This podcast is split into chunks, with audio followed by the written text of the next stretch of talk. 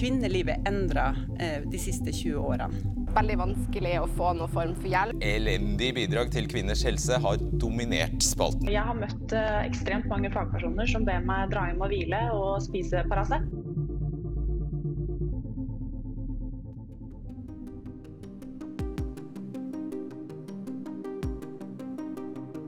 Innføring av nødhjelp, brensel og vann er stansa. Is it easy for people like you to voice this opinion? No, no. I got attacked. What do, They blame what- me. what They blame me. these 10 years teach us is that there never really is a winner in Libya. Hei og velkommen til en ny episode av Livmødrene. Jeg heter Helene, og i dag skal du få være med på en episode litt utenom det vanlige vi produserer. I dag skal jeg utforske noe jeg har hatt veldig lyst til å få vite mer om. For det er ingen tvil om at okkupasjoner, kriger og konflikter rammer sivilbefolkningen steder der det skjer.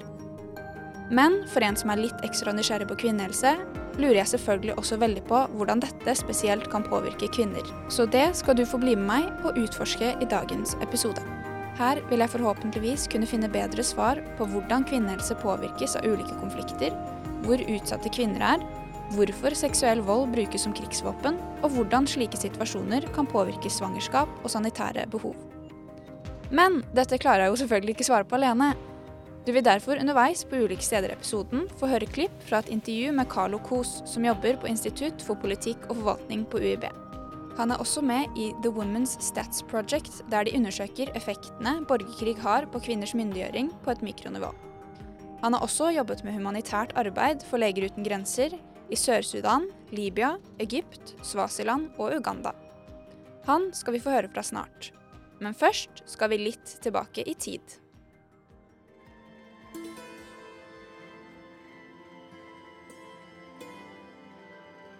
Året er 2000, og FNs sikkerhetsråd anerkjenner at kvinner og menn rammes ulikt av krig og konflikt.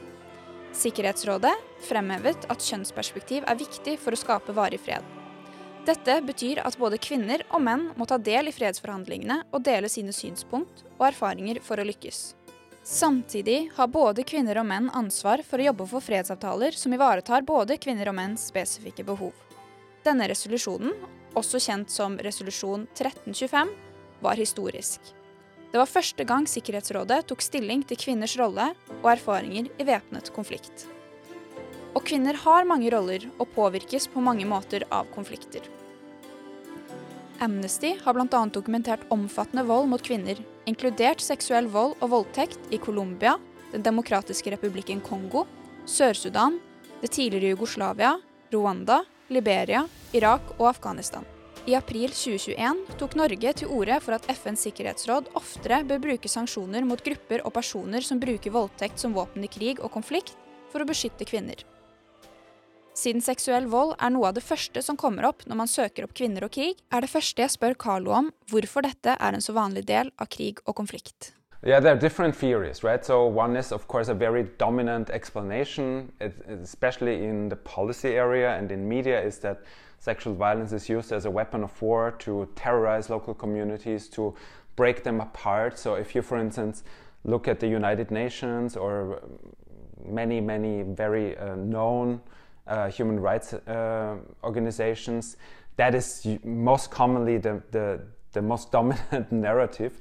And I think it has some appeal, right? So that armed groups or also the armies and security forces of countries they uh, use rape and sexual violence to control communities and to terrorize them, right? Because in civil wars, um, and that's very different from inter- interstate wars, by, uh, civilians are often caught between the lines, right? You don't have any standing armies that oppose each other on a battlefield, but it's often much more messier and, and blurrier.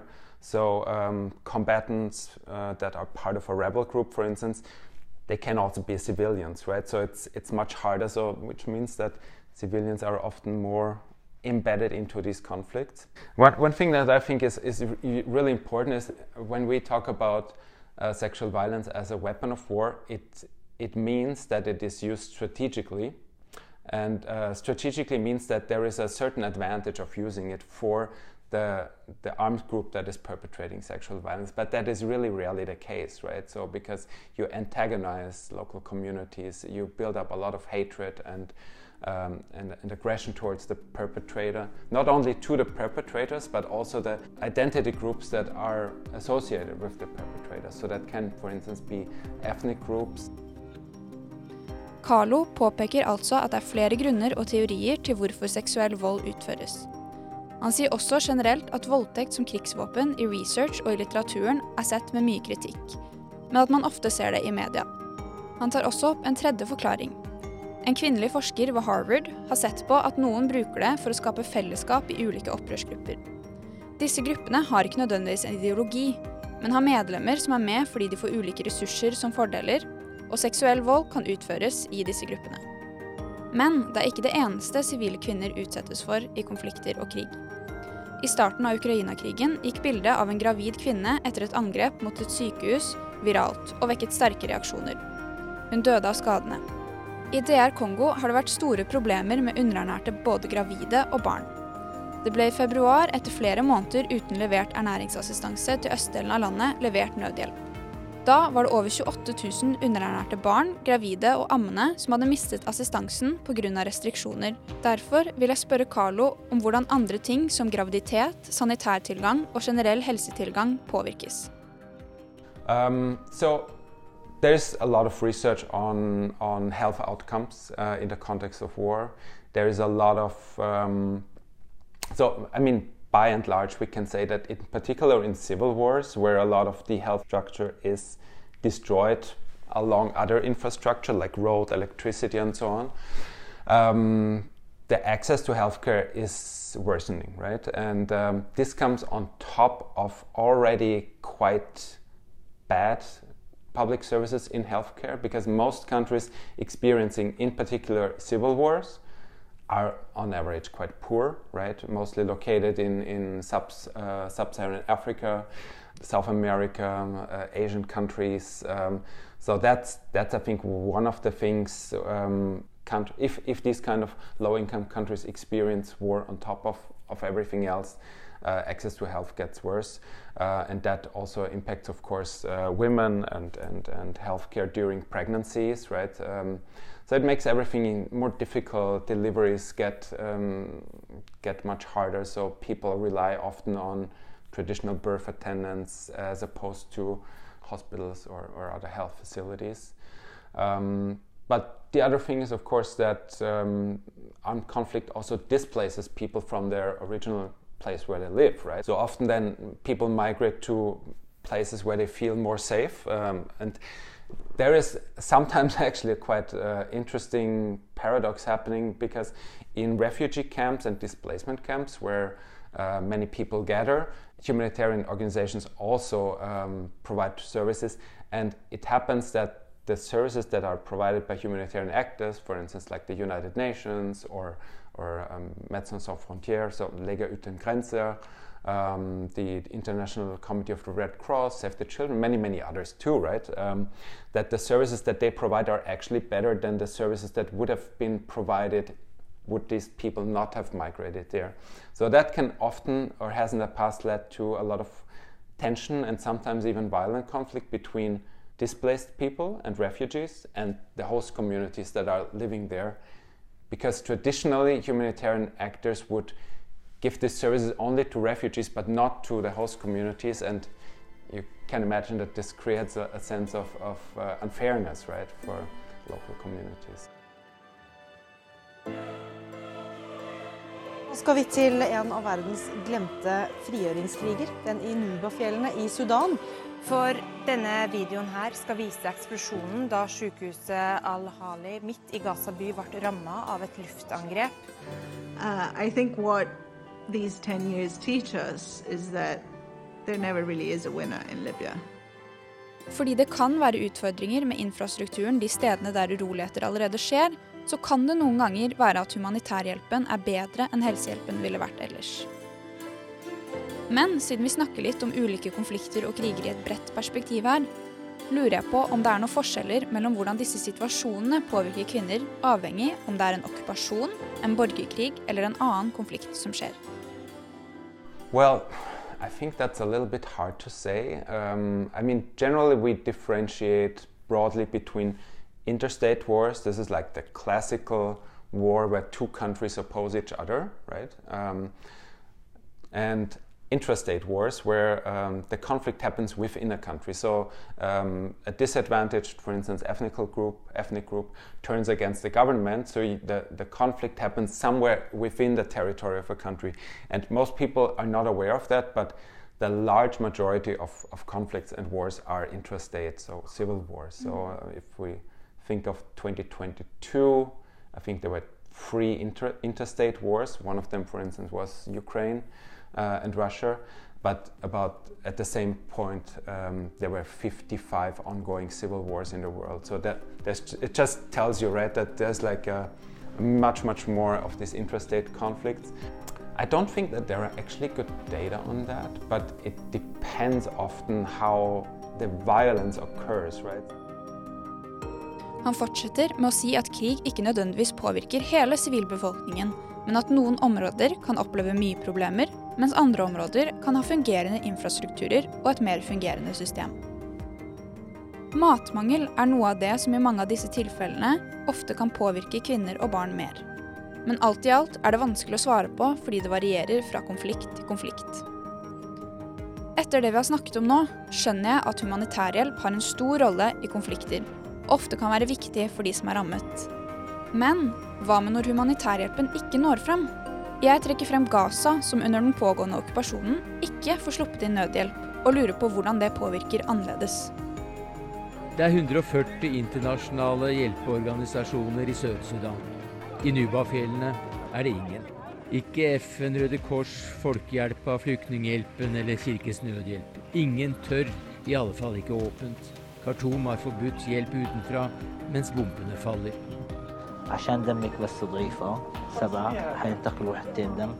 Hanna er en av 50 000 gravide på Gaza. Hun er heldig og har fått en sykeseng nå. Litt enklere å begripe hvordan situasjonen har blitt så fastlåst og så brutalt grusom. Yeah, that's a good point. I mean, that's uh, it makes it it makes it even worse, right? So um, if you imagine I mean, the best case is if you have a, a developed um, region with, with well-established health facilities, right? Um, if you if you think about many of the countries where uh, conflict happens, even before that, right? I mean, many conflicts go on for decades. But the public services, and among others, the health health services, which are one of the most important ones, uh, they're not usually well developed, right? So it's they're either completely run by international actors. So in, in places like South Sudan or Eastern Congo, a lot of the basic uh, health clinics and, and even more uh, hospitals are run by international NGOs or international uh, humanitarian NGOs. Um, because the state is just not able to run them, right? Um, doesn't have the resources, the knowledge, the staff, uh, and so on. But on if on top of that comes some conflict, this, this gets, these services get disrupted. And you're right that um, some areas are more likely to receive humanitarian help than others. And this has to do often with access. Um, so it can be just the logistics to get things to a certain area that are often very difficult. Um, so I worked, for instance, in, in South Sudan for a few times uh, as an emergency coordinator there. And there was this area called Abyei, which is like basically in the middle but bordering uh, North Sudan. It was a contested area, and uh, there were a lot of clashes between South Sudanese troops and, and, and troops from Northern Sudan. And um, um, several, several thousands of, of refugees uh, came south, and there, there, was just no infrastructure. So we had to. Um, so I was working for uh, Médecins Sans Frontières back then. So we had to fly in a lot of resources, medicine, even cars, um, you know, tents to set up temporary um, medical facilities, um, malnutrition centers for children because people don't have food, right? When they flee, they they can't continue their work on, on their field, so they don't have any any any food actually, and become fully dependent on on food aid. Um, and then babies and small children can really suffer from that, right? So when they're undernourished and malnourished, uh, they are much more likely to pick up some some diseases because they don't they're not that resilient. So it, it starts from a lot of things, right? So they need mosquito nets, they need tents, they need, um, of course, also um, sanitation and, and hygiene infrastructure, so latrines. So it becomes a lot of extremely basic things that you would otherwise always take for granted suddenly become really central um, in in helping people just to basically survive, right? Um, but at the same time, I think it's really important not to portray people as as completely helpless, as, as passive, or as, as, without agency. Right? It's uh, people are displaced, not are not necessarily not able to help themselves at all. They they will they will, um, but. Um, in many of these places, there are just not many re resources that they can uh, draw on to, to help themselves. Vi har allerede fått svar på mye, men jeg har noen få spørsmål igjen. Siden Carlo vet mye om temaet, lurer jeg på om det er noen områder som handler om kvinner som ofte er mindre kjent eller oversett. Og her tar han opp noe interessant jeg egentlig ikke har tenkt så mye på. Yeah, so I think lesser known is, um, for instance, that women participate as combatants in conflict, so they fight. Not in all conflicts, but in some that's definitely the case. So if you think these are usually uh, in conflicts where rebel groups that turn against the government have some leftist Marxist agenda, right? So that aligns much better with with uh, objectives about gender equality, right? So for instance, Colombia is a good example for that. In the FARC, one of the main rebel groups that signed a peace deal a few years ago, um, up to 30% of the fighting force were women.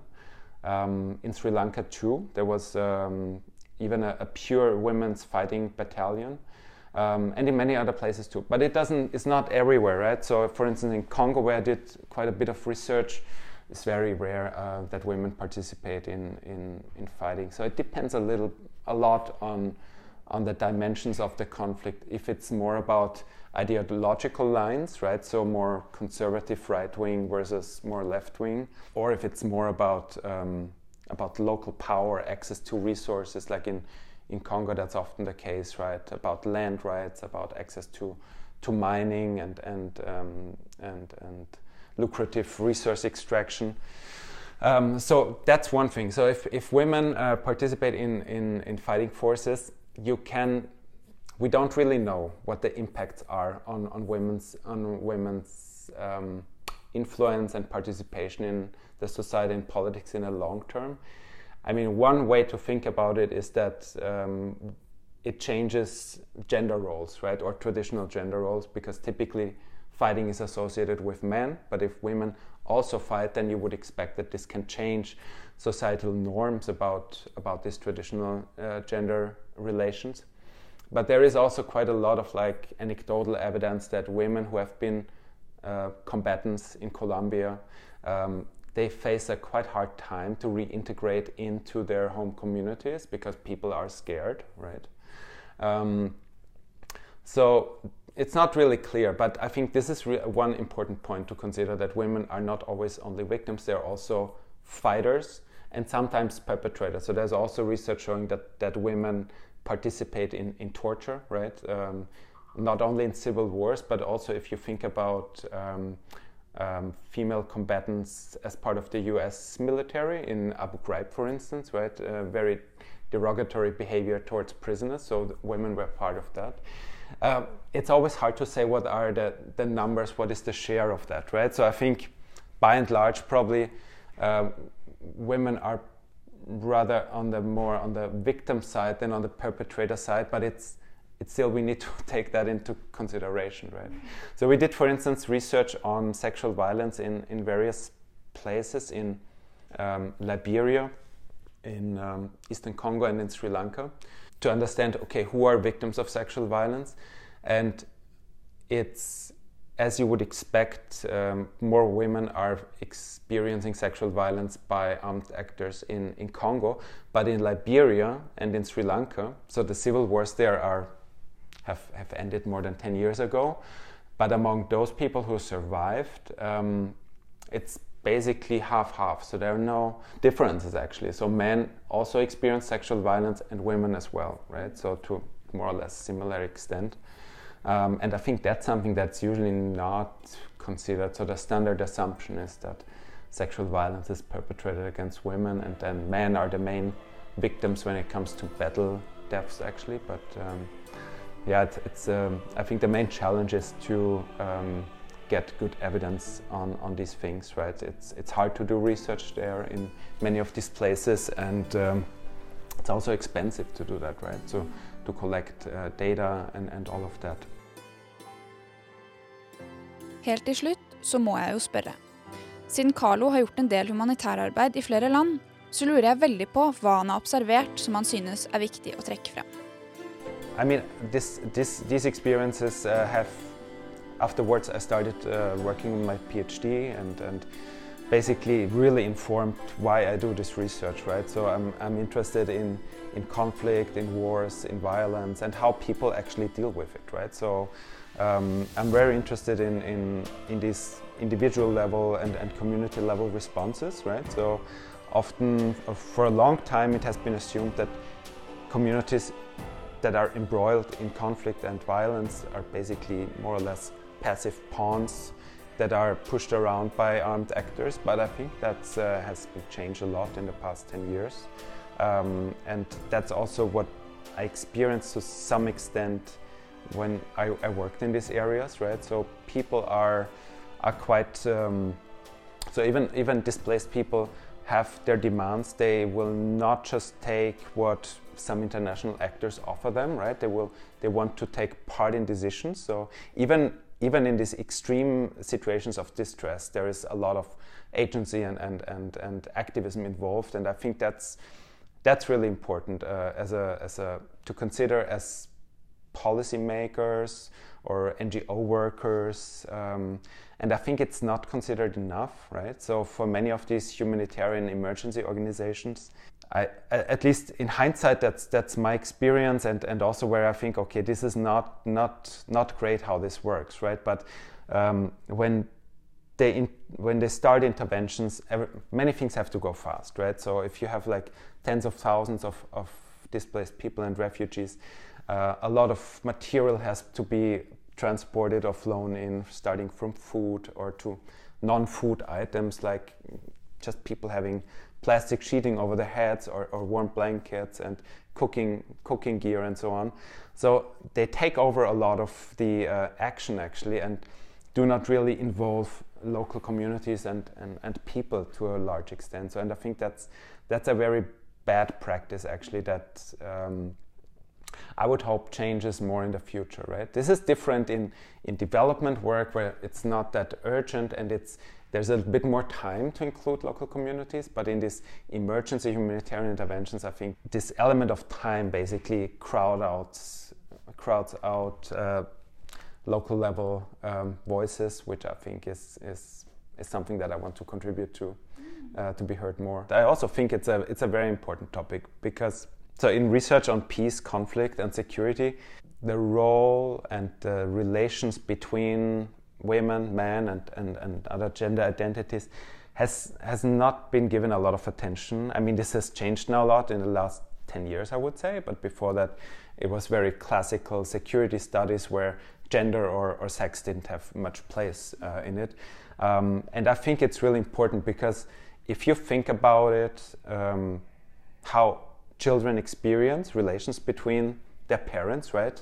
Um, and you imagine a whole society growing up and, and thinking about that, that um, one part, usually women, are oppressed by, by fathers or by their husbands, and, and children continuously experience that, right, in their day to day lives, and they will grow up and, and get adults at some point, right? It's, it's easy to imagine like how a, a society moves from is basically embroiled and continually uh, reproduces these, these inequalities that also translate into policy decisions, right? And how uh, people deal um, with, with conflicts in their country, right? So it's, uh, it's much easier to imagine. I think there's a lot to gain to understand how, um, how um, the relations between men and women change and, and, and to support that also, right? At the same point, I think it's really important to not uh, step into a trap of, of uh, neo-colonialism to say, okay, we, we know what's better and how you know you should behave and how the, the relations between men and women should be structured because that's of course uh, um, should not be how it's happened. So I think it's a fine balance um, and I think um, full of tensions, but still important to shed light on. Yeah. Det er litt motiverende å høre Carlo si at det har blitt økende fokus på at man skal inkludere alle kjønn, og at det har blitt litt bedre de siste ti årene.